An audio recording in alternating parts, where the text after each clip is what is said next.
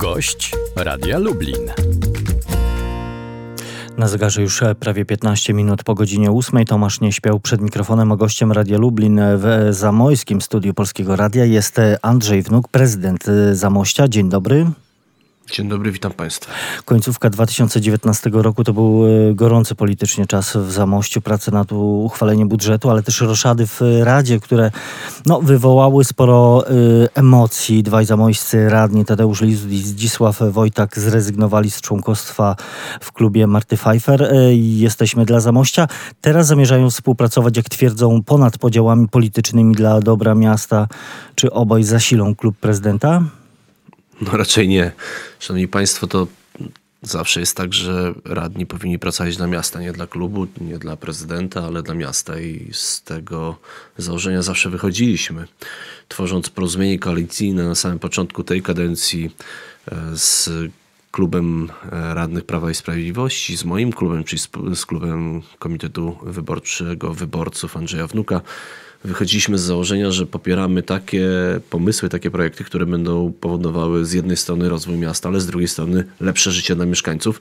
I to było cenzurą, a nie to, czy ktoś jest z lewej czy z prawej strony. No ale skoro w y, takim specjalnym oświadczeniu e, radni, w którym tłumaczyli swoją decyzję, napisali, że miasto rozwija się, poprawiają się, pojawiają się nowe inwestycje, nowe drogi otaczające nas okolice z dnia na dzień pięknieją.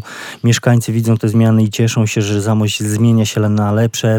Rekordowe inwestycje, środki jakie płyną do miasta, przychylność rządu i władz samorządu województwa pozwala mieć nadzieję na jeszcze szybszy rozwój Zamościa w kolejnych latach. No to trudno o lepszą laurkę. Wie pan, e, trudno takich rzeczy nie zauważyć, więc ja bardzo cieszę, że radni e, opozycyjni, bo tak należałoby to nazwać, zauważyli te zmiany, ale mm, myślę, że większość mieszkańców głosując e, w wyborach samorządowych zauważyło, że w poprzedniej kadencji sporo się zmieniło.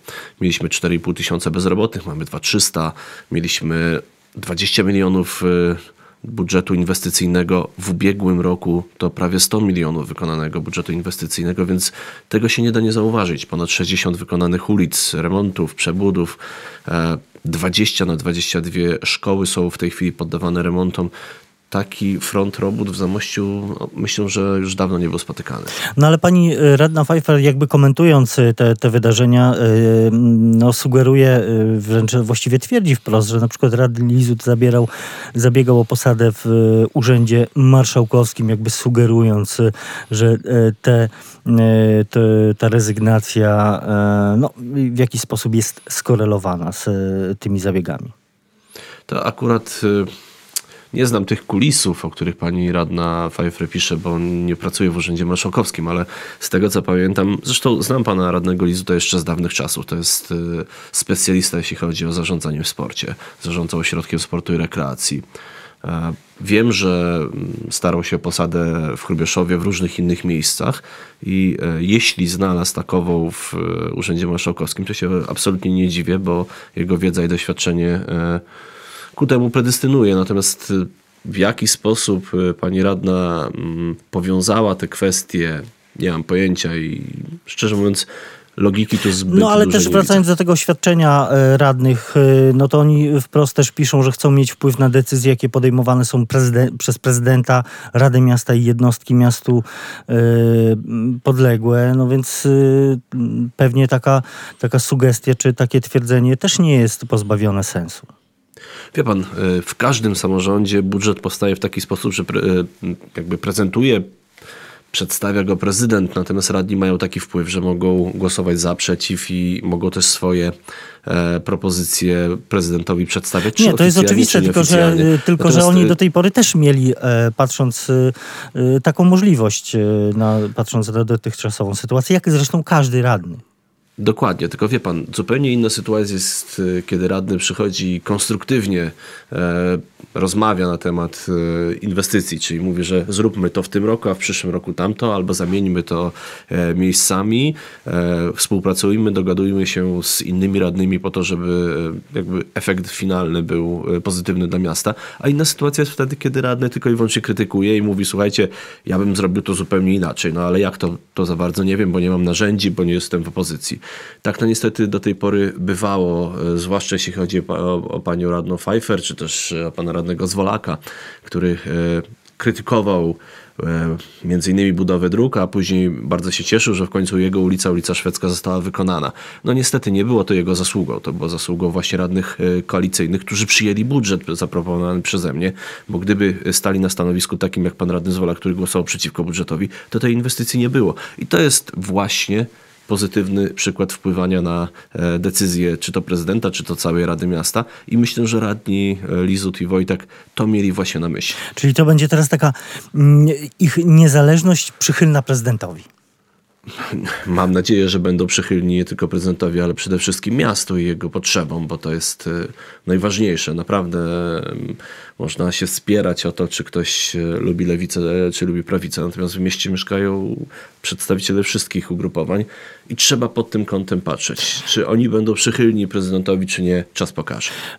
W tym oświadczeniu z kolei radnej Pfeiffer, e, radni Lizut i Wojtek zostali nazwani osobami niegodnymi zaufania i tam pada apel o to, żeby oni zrzekli się mandatów.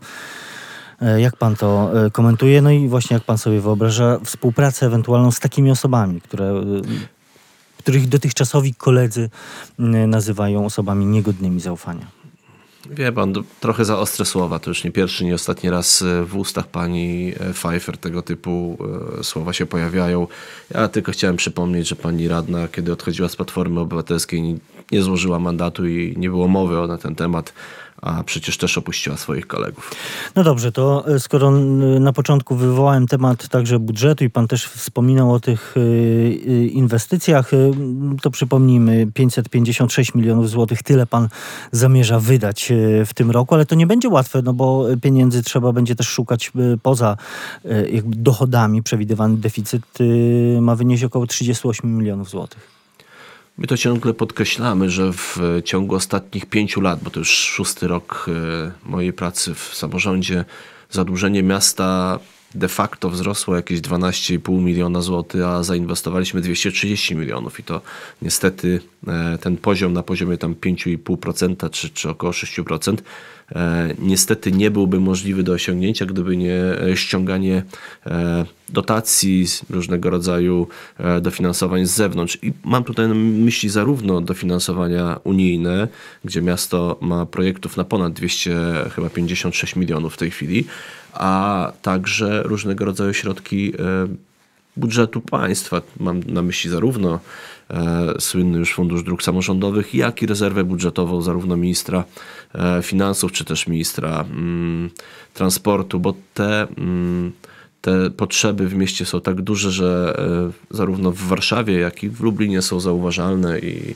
cieszę się, że akurat, akurat udaje nam się te pieniądze pozyskać. A czy nie obawia się pan z kolei, że mniejsze wpływy z podatku PIT czy podwyżka płacy minimalnej, podniesione pensje nauczycieli, to wszystko sprawi, że trudniej będzie zrealizować te ambitne, jak mówi pani skarbnik, e, e, odważne, realistyczne i bogate plany. Wielu samorządowców w całym kraju skarży się, że właśnie przez decyzje rządowe będzie miał problem z, ze zbilansowaniem budżetu, czy, czy po prostu wprost ograniczyć pewne wydatki, odłożyć w czasie niektóre inwestycje?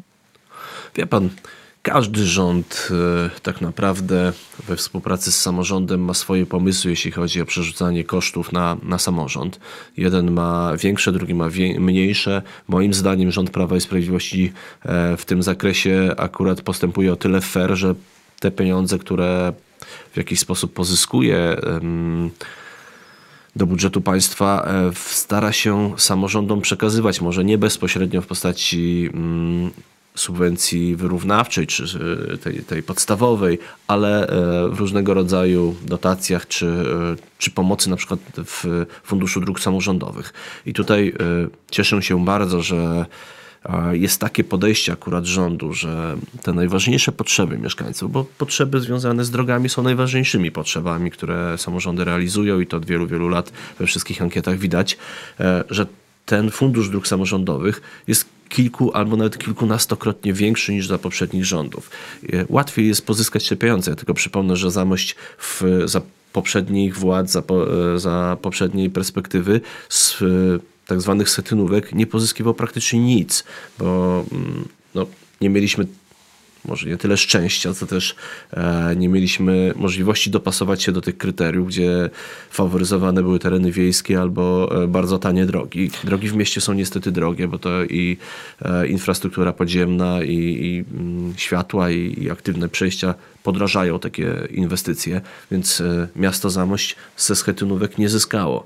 A w tym e, programie, w tym rozdaniu zrobiliśmy ulicę Okrzei, do, dofinansowanie do e, Szwedzkiej, dofinansowanie do Błonia. W tej chwili robimy ulicę Lubelską, Altanową. To wszystko bez dotacji zewnętrznych by się nie udało. Wśród też y, tych inwestycji planowanych na ten rok, to drugi etap przebudowy choćby ulicy Klińskiego, rewitalizacja e, budynku Akademii Zamojskiej. Wystarczy na to wszystko pieniędzy, panie prezydencie? Ponad 112 milionów planujemy wydać na mm, inwestycje, czyli tak zwane wydatki majątkowe. Tutaj mm, ja nie obawiam się, czy wystarczy, czy nie wystarczy pieniędzy. Ja bardziej się obawiam, czy rynek e, da nam wykonawców, bo e, przystępujemy do trzeciego przetargu na obwodnicę zachodnią. Dwa poprzednie nie zostały rozstrzygnięte, ponieważ e, wykonawcy proponowali ponad 30 milionów więcej niż mieliśmy w budżecie. Nie 88 milionów, tylko 30 milionów więcej. I próbowali na nas przerzucić swoje ryzyka związane z podwyżką cen materiałów, podwyżką najniższego wynagrodzenia. Natomiast ja mam jedno ryzyko. Ryzyko takie, że ktoś mnie oskarży o niegospodarność, więc ja tego typu przetargów rozstrzygnąć nie mogę. I tego się najbardziej obawiam. W takim razie e, powodzenia w e, realizacji tych y, wyzwań, e, oby one służyły przede wszystkim e, mieszkańcom. E, bardzo dziękuję za rozmowę. Andrzej Wnuk, prezydent Zamościa w Zamojskim Studiu Polskiego Radia. Bardzo dziękuję. Dziękuję Państwu bardzo, dziękuję Panie redaktorze. Tomasz Nieśpiał, do usłyszenia.